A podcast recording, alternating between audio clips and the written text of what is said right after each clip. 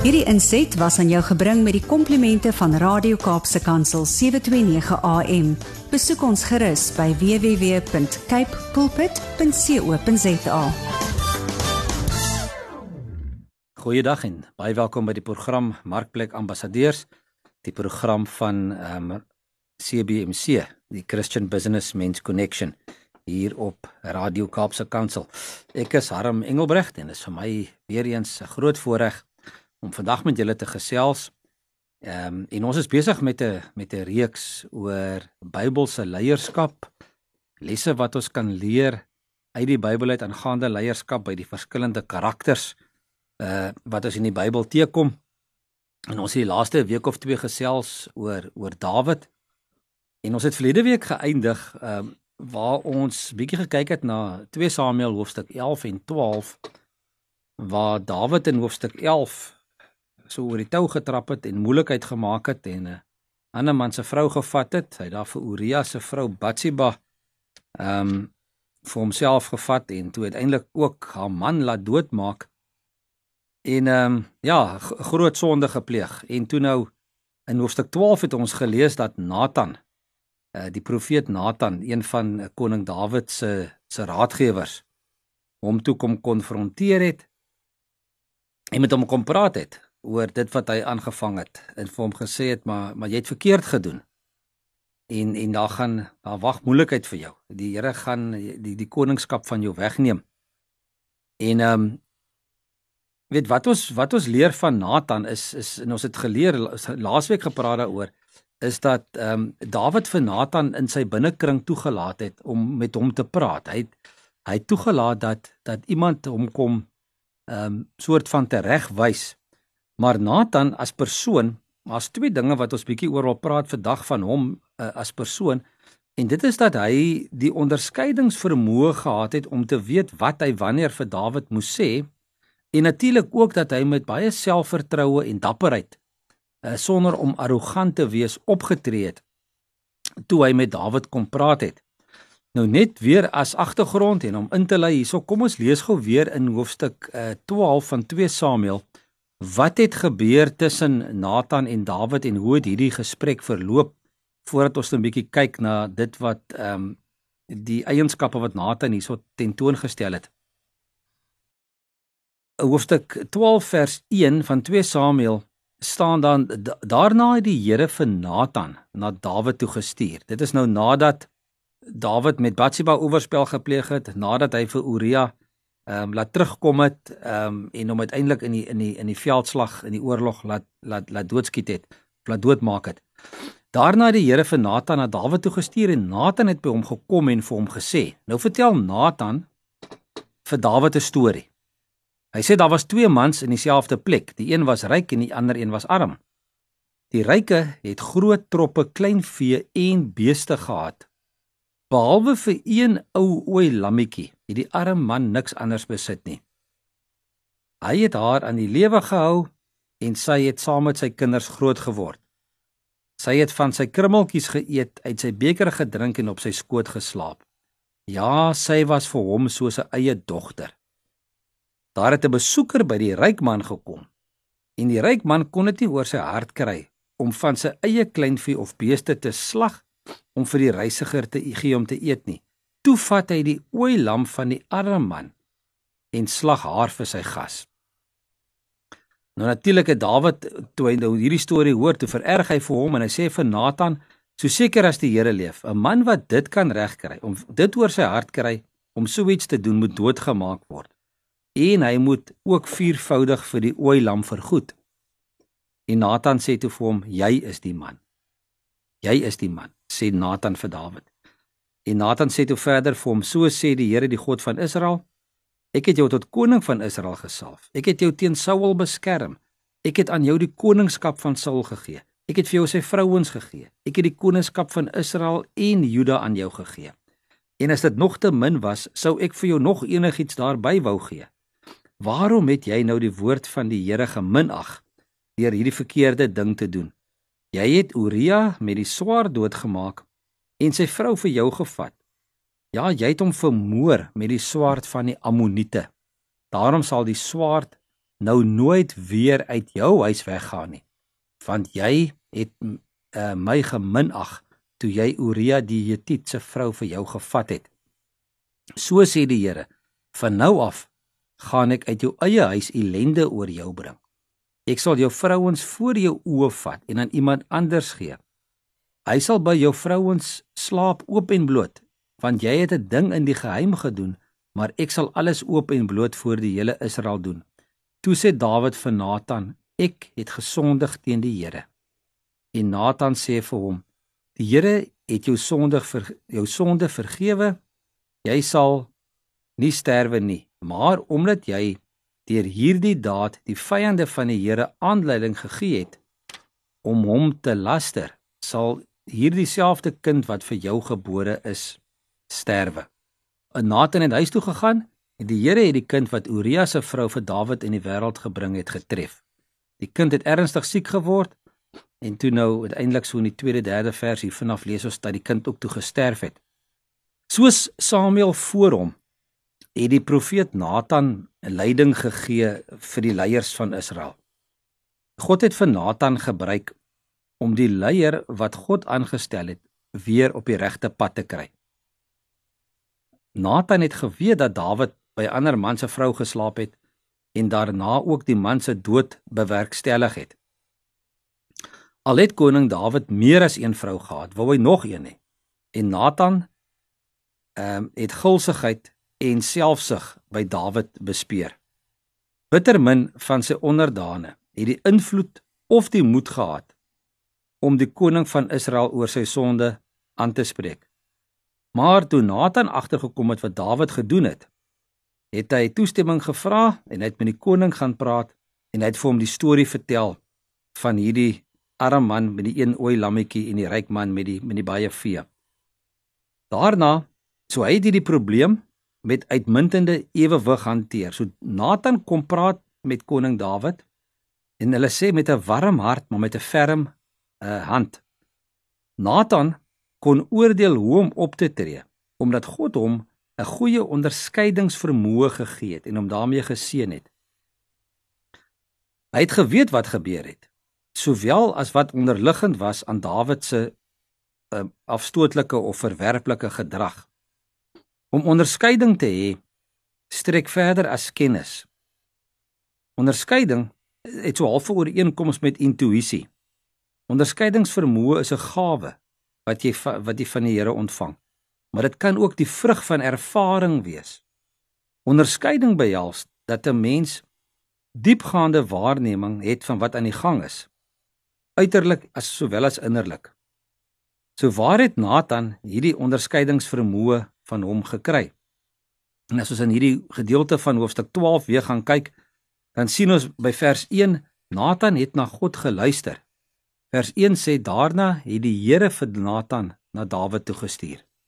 So die Bybel sê vir ons God het vir Nathan gestuur. Dis duidelik dat God met sy boodskapper gepraat het. So Nathan het met 'n met autoriteit kon hy na Dawid toe gaan. Hy het na ook Dawid se omstandighede geken. Nathan het vir Dawid oor baie le jare leer ken en kon die verandering in hierdie man se lewe raak sien. Onthou Dawid het onmiddellik neerslagtig geraak toe die ding gebeur het en hy het homself hy hy hy, hy was onrustig in sy hart gewees. En Nathan het hierdie verskille raak gesien en hy het toe na Dawid toe gegaan. Ehm um, Nathan was objektief in sy beskouing. Hy kon namens God praat en vir die koning vertel hoe die situasie uit God se oogpunt lyk. Ehm um, Nathan het ook meer as net die simptome by Dawid erken. Hy kon die oorsake en die gevolge raak sien. En uiteindelik kon Nathan ehm um, ook die uh oorsaak en gevolg insien.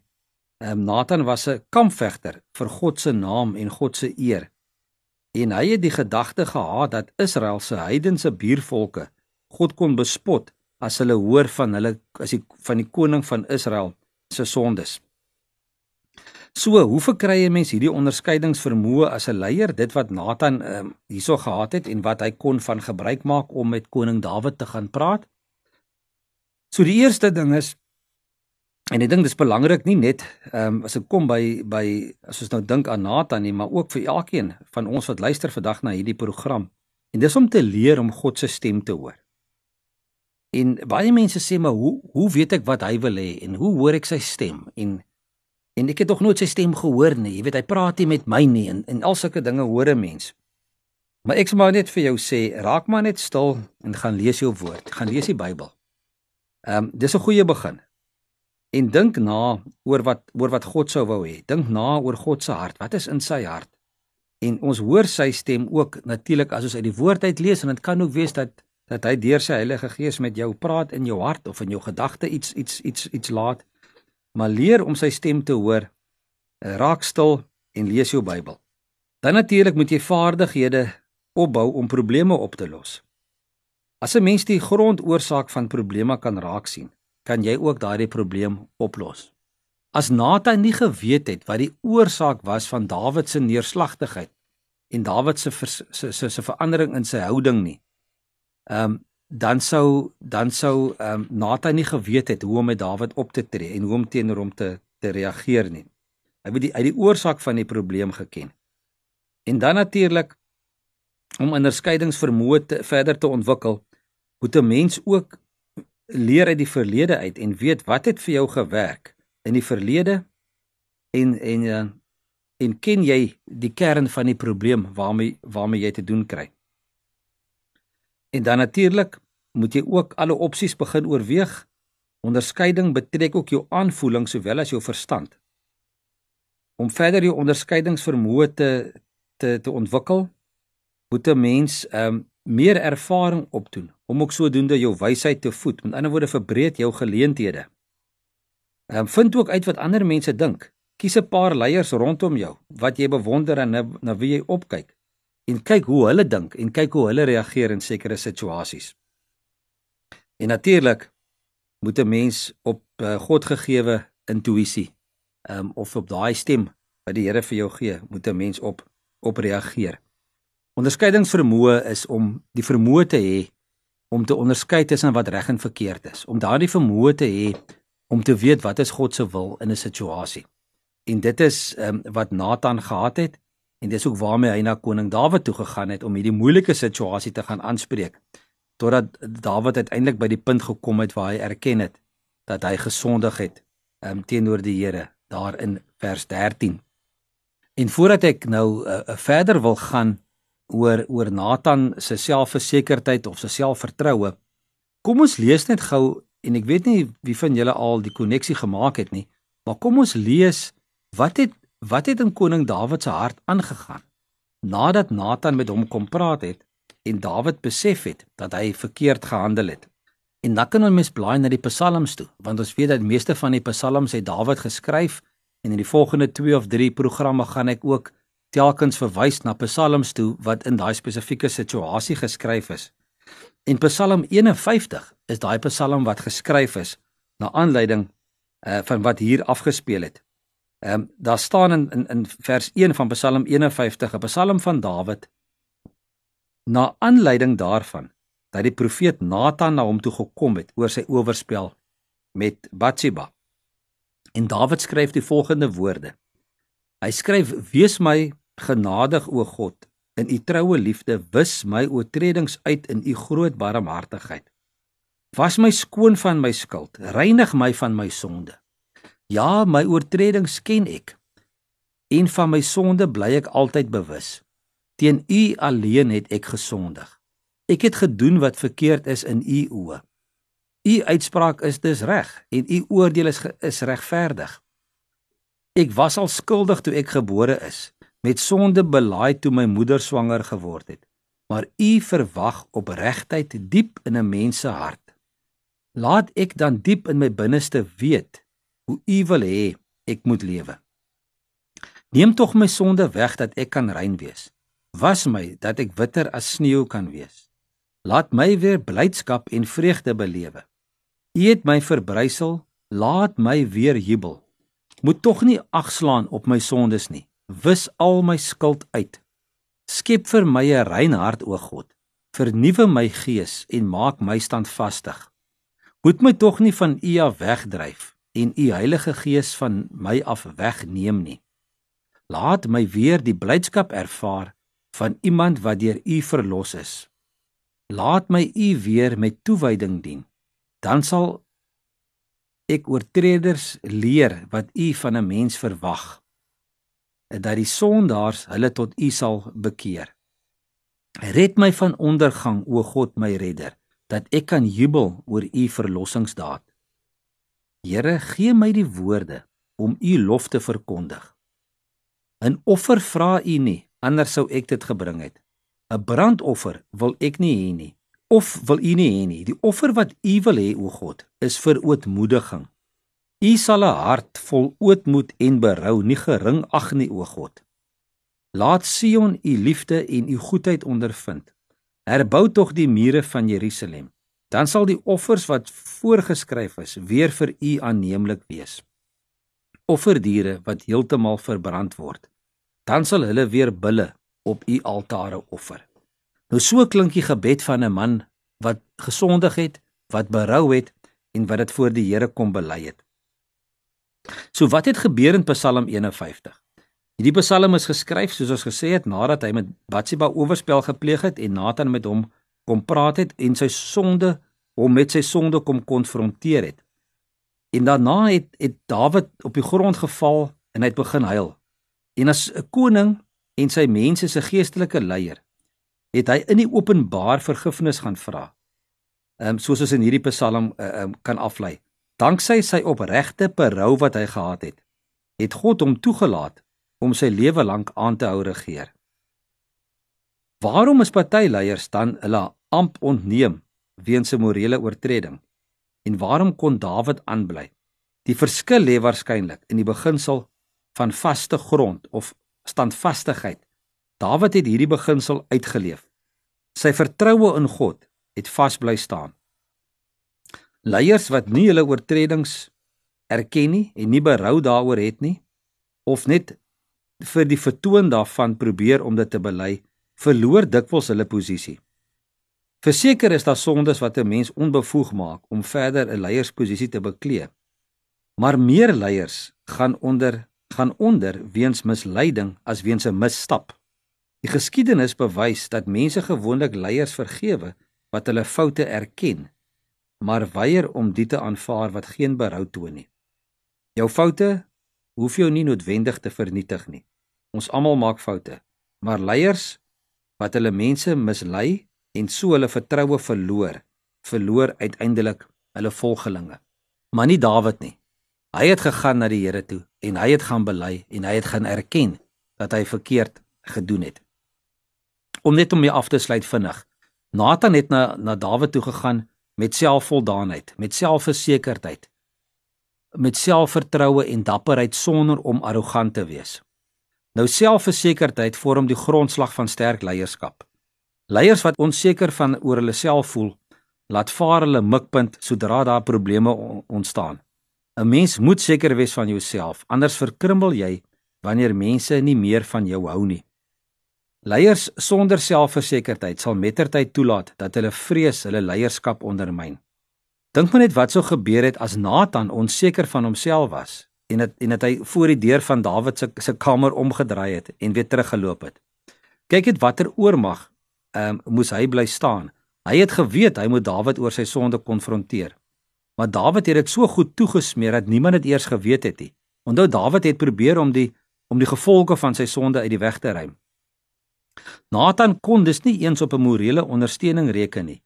Verder was Dawid gewild omdat Israel onder sy leiding 'n vooraanstaande nasie geword het. So die meeste mense sou hulle by Dawid skaar as hulle hom sou probeer verdedig. Buitendien het Dawid tegnies gesproke nie teen Uria oor, oortree persoonlik nie, maar hy het dit gereël dat dat dat die Ammoniete hom doodmaak in die oorlog.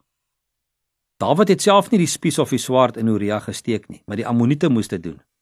So Nathan moes volkome seker van homself wees om Dawid aan te vat. Hy moes seker maak van sy feite, anders sou hy aan die kortste end trek. So wat het vir Nathan ehm um, in staat gestel om so selfversekerd op te tree? Net gou vinnig vyf goed. Nathan het God se waarheid aan sy kant gehad. Hy het nie regtig alleen teen Dawid gestaan nie, want God het hom gestuur. En in die tweede plek Nathan het 'n baie noue verhouding met Dawid gehad. Hulle vriendskap het vir Nathan daai 'n uh, gaping gegee om te doen wat God wou hê hy moet doen. Nathan se identiteit was geanker in sy roeping van van die Here af, nie in sy gewildheid nie. In die vierde plek, Nathan het geweet wat sy doel in die lewe was. Sy optrede was gedryf deur sy oortuiging. En dan die vyfde plek, baie belangrik, Nathan was nederig en hy was in God se diens. Hy het niks gehad om te verloor nie.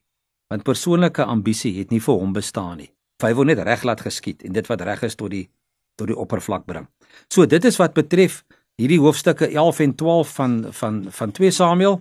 En uh, ja, ons het nou 'n klomp goed gesê vandag, maar ek wil nou hierby afsluit en dan volgende week 'n bietjie kyk na na Dawid se seuns Amnon en en Absalom, bietjie wat ons by hulle kan leer en dan gaan ons oor na die na die konings van van die res van die konings van van Israel en ja, dit is ehm um, hierdie reeks wat ek besig is mee gaan oor Bybelse leierskap.